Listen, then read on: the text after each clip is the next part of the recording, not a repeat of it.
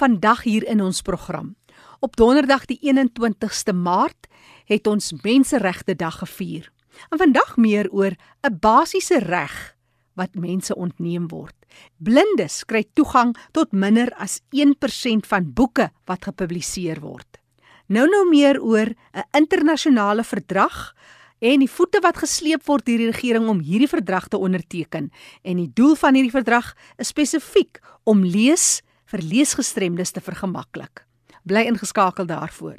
En later in ons program, meer oor die heffing op invoerbelasting van aangepaste voertuie. Kom hoor van die regering se rol en dan die proses wat jy kan volg om die aangepaste motor te bekom vir jou unieke behoeftes. Maar nou eers ons inligtings en nuusbulletin. Die Nasionale Raad van en vir persone met gestremthede bied op 3 April 'n CPD geakkrediteerde werksessie aan, en dis by die Oeverstrand munisipaliteit in Magnolia Straat in Hermanus. Die tema is die wetskrif oor die regte en redelike akkommodasie van mense met gestremthede. Die wetskrif is in 2015 deur die kabinet onderteken en baan die weg vir gelyke insluiting van gestremdes op alle vlakke van die samelewing. Stel jy belang om hierdie werksessie in Hermanus by te woon? Skakel gerus vir Michelle Tonks, telefoonnommer 082 781 7715. Ek herhaal 082 781 7715. Aan die einde van hierdie inligtingsessie gee ek ook vir jou Michelle se e-posadres.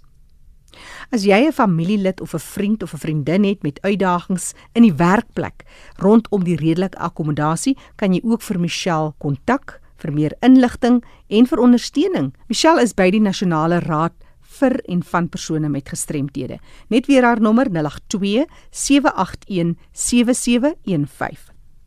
En dan op 3 April word daar 'n werksessie oor outisme in Kimberley aangebied. Dis by die Maxima Learning Center vir kinders met outisme. Dr DJ Griesel is een van die uitvoerende komitee raadslede van Autisme Suid-Afrika. Hy's een van die sprekers en ook Dr M Swiegers wat doktorale studies gedoen het in drama en outisme. Kontak vir Dr Malien Swiegers deur middel van 'n e-pos as jy belangstel om in Kimberley op die 3de April hierdie werksessie oor outisme wil bywoon. Gruispad by telkomsa.net. Hier is weer Gruispad by telkomsa.net. Vir enige navrae of nuus uit jou geweste vir en van persone met gestremthede, kan jy gerus ook vir Michelle Tonks 'n e-pos stuur. Haar e-posadres: michelle@ncpd.org.za. Daai NCPD staan vir National Council for People with Disabilities. So dis Michelle by ncpd.org.za. Jy luister na RSG en dis die program Die Leefwêreld van die Gestremde saam met my Jackie January en Fanny de Tooi. Ek gesels nou met Christo de Klerk. Christo werk as 'n vrywilliger al sedert 1974 by die nie-regeringsorganisasie Blind SA. Hy's lid van die uitvoerende bestuur en sy portefeulje is Braille en hy's ook lid van die komitee van Blind SA vir voorspraak en inligting en dit is juis waaroor dit vandag gaan, die menseregte van blindes. Christus van daai mense wat moue oprol en betrokke raak. Dit gaan oor 'n internasionale verdrag wat in 2013 al in Marokko onderteken is met die doel om lees vir leesgestremdes te vergemaklik. Blindes het tot minder as 1% toegang van boeke wat gedruk word. Christo vertel ons bietjie meer oor hierdie internasionale verdrag en wat die probleme is hier in Suid-Afrika. Die agtergrond is dat op die stadium kry blindes toegang tot minder as 1% van uh, boeke wat gepubliseer word. En 'n groot probleem daar is die kopiereg wat toegang tot baie materiaal beperk. Om dit te kon uh, oorkom is daar in 2013 in Marrakesh in Marokko 'n verdrag onderteken bekend as die Marrakesh Verdrag wat vrystelling van kopiereg verleen aan leesgestremdes. Mm -hmm. Met ander woorde dit is nou uh mense wat swak sien of wat blind ja. is of wat disleksie het en so. Die maar verdrag sou in werking kom wanneer 20 lande dit onderteken het of geratifiseer of bekragtig het. Op hierdie stadium het meer as 60 lande dit reeds gedoen. Ek dink dit is nou al 9 lande in Afrika ook en sommige is van ons arm bure, maar ons regering het dit nog nie gedoen nie. Ons is nou besig met hierdie ding al vir baie jare van 2013 eintlik voor Marrakesh al voor 2013. Die regering se standpunt is dat hulle ten gunste is van die Marrakesh verdrag, maar hulle wil dit eers bekragtig nadat die uh, kopieregwysigingswet aanvaar is en in werking is. Nou die probleem wat ons daar het is daar's 'n geweldige toutrekkery oor hierdie wet. En in al die forums waar ek nou al geveg het oor die ding, praat ek altyd van the bickering about the bill. Want aan die een kant het jy die mense ten gunste van wat uh, die die term wat hulle gebruik is fair use en die ander is uh, fair dealing. Ek vertaal dit maar met redelike gebruik en ehm um, redelike handel. En aan die ander kant het jy die kreatiewe industrie. Die die fair use en fair dealing mense wil hê die wet moet so gou as moontlik in werking kom sodat inligting makliker gebruik kan word. Die ander kant, die kreatiewe industrie se argument is ehm um, dat die die wet as dit in werking kom brood uit die monde van kunstenaars gaan neem en dit gaan te maklik wees om kopiereg te skend en so. Die probleem is dat die ding aangaan en aangaan en die regering dus nie so ver kom om die Marrakesh verdrag te ratifiseer nie. Die regering se houding, soos ek reeds gesê het, is dat hulle eers die wet aanvaar wil hê. Nou die wet is reeds deur die parlement aanvaar en is ook gestuur na die nasionale raad van provinsies. En ek was verlede week Kaap toe om die vergadering van die nasionale raad van provinsies by te woon om ons saak daar te stel. Ek sou 'n voordrag daar gaan maak het. Ongelukkig sonder dat ons laat weet het, het hulle die tyd van die vergadering verander van 11:00 die oggend na 9:00 so ek kom toe daaraan eers na die vergadering trend klaar is.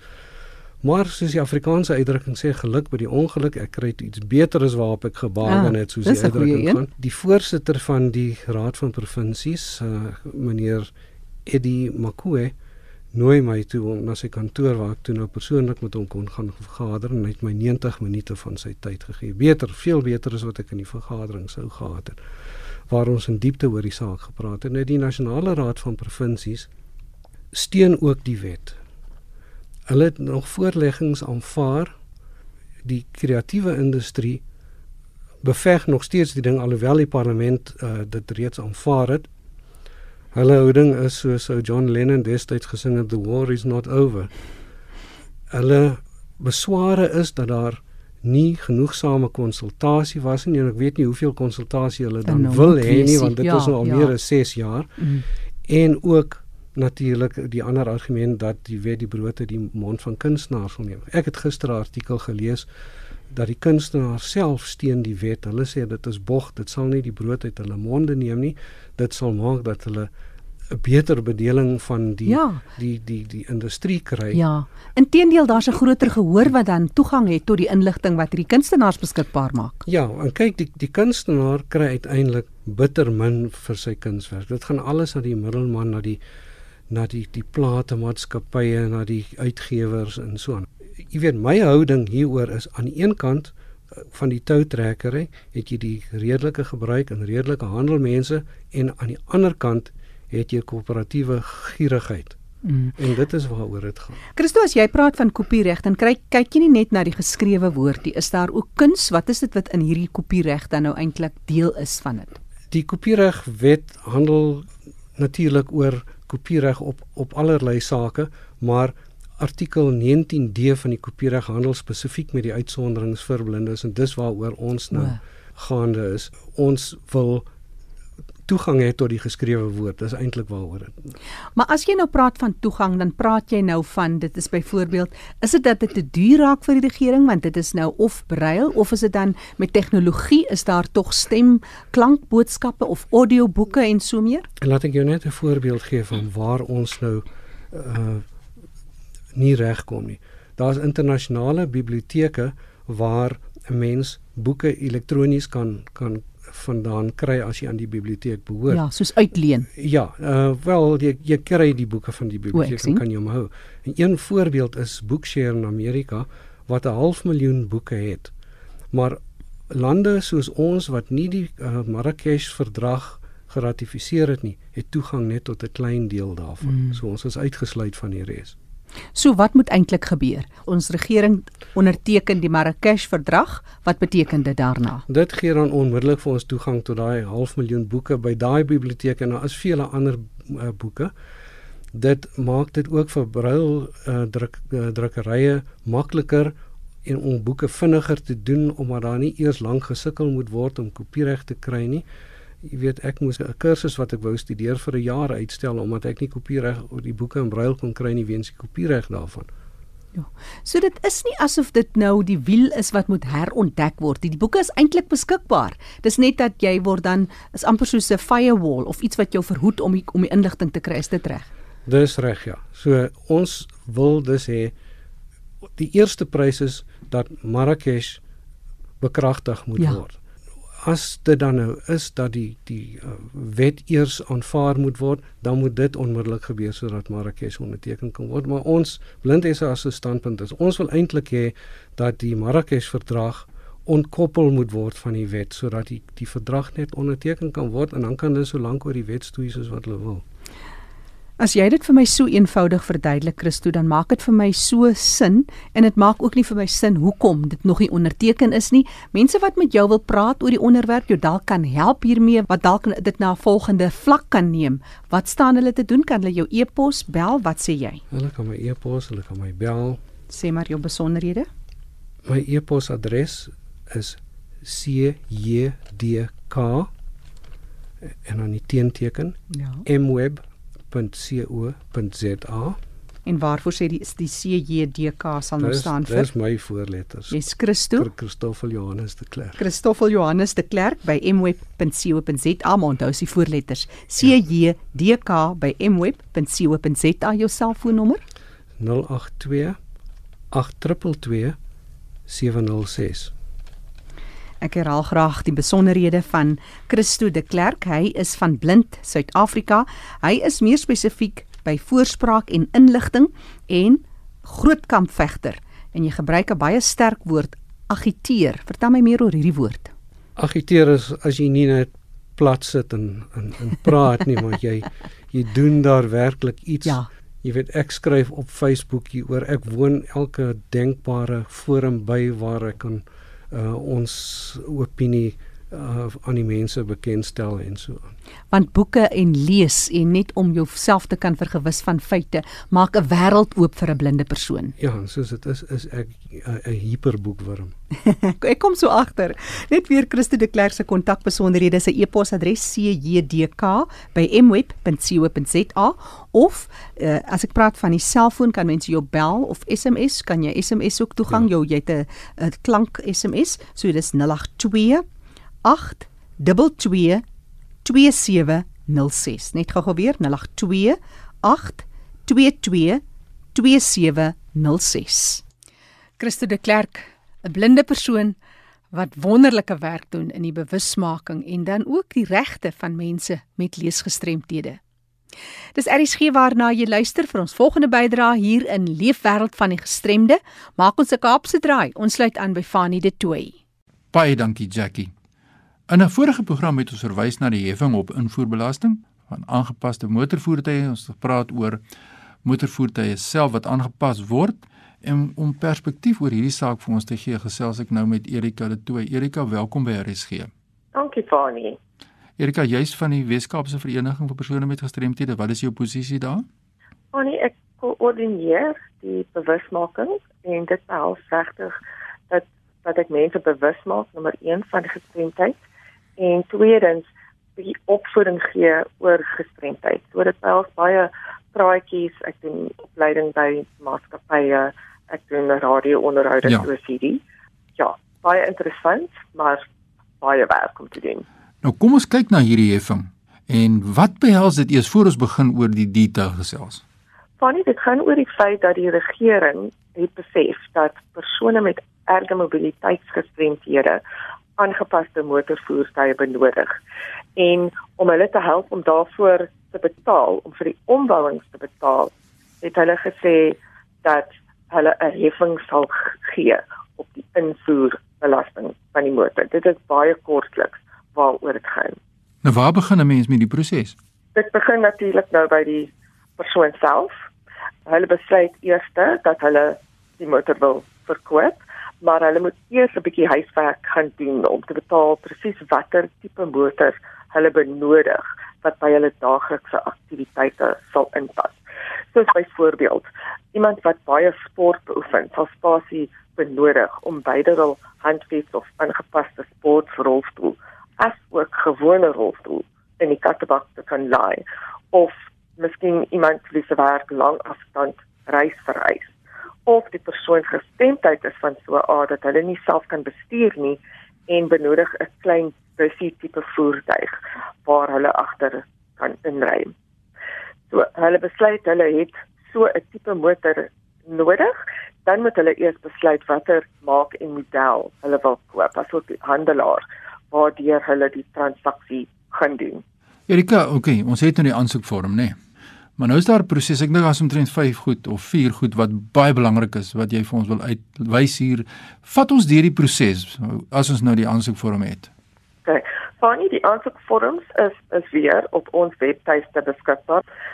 Eerstens is daar 'n aansoekvorm en hierdie vorm is twee bladsye lank, maar die persoon hoef nie die eerste bladsy in te vul. En dit behels groot ek die persoon se kontakbesonderhede asook die besonderhede van die voertuig wat hulle wil koop. Die tweede bladsy dui aan watter aanhangsels saam met die aansoekvorm ingedien moet word.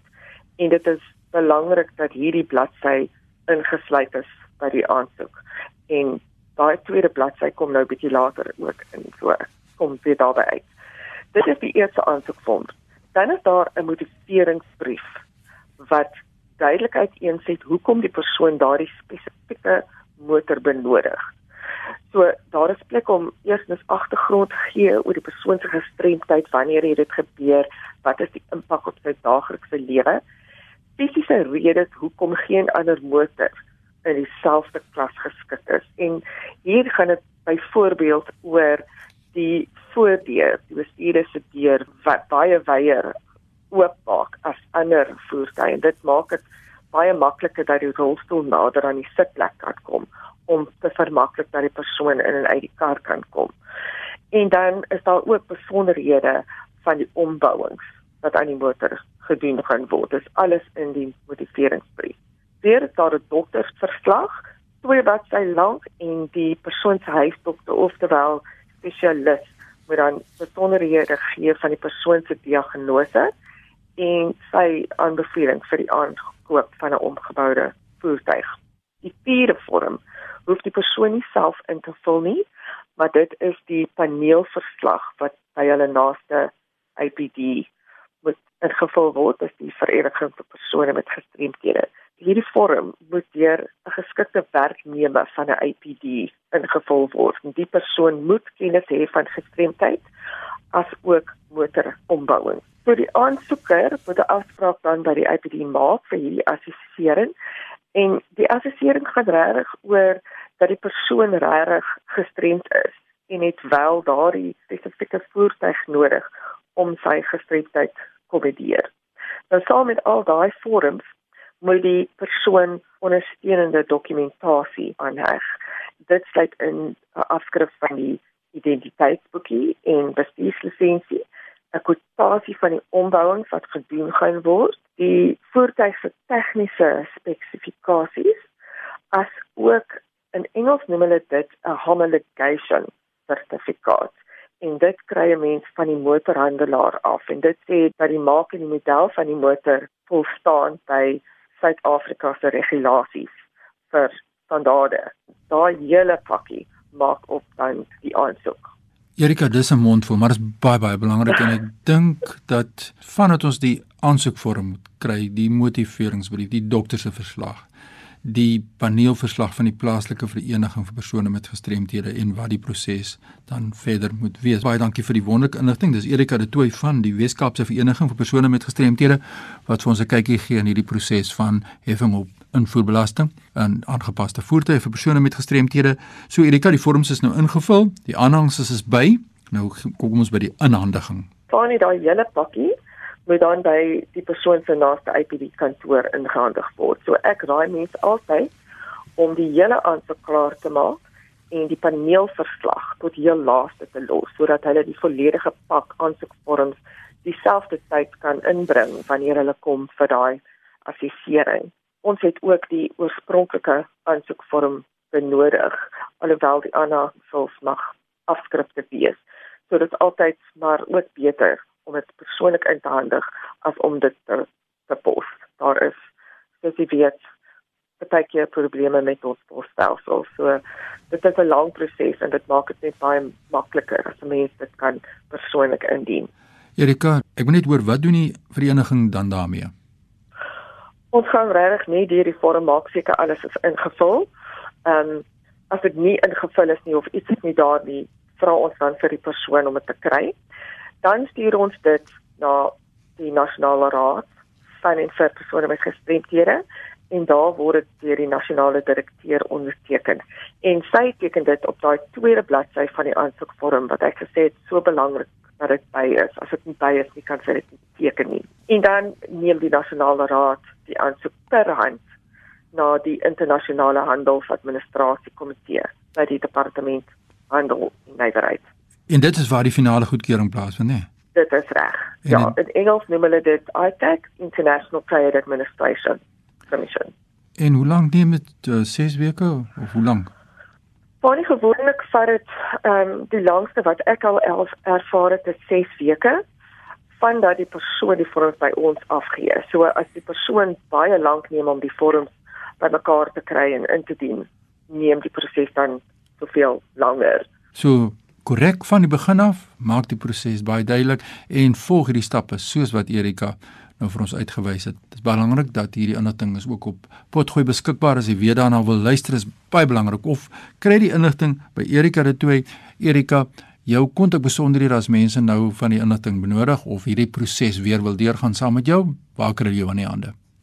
Bonnie, ek is bereikbaar by 031 355 2881 of per e-pos by in Engels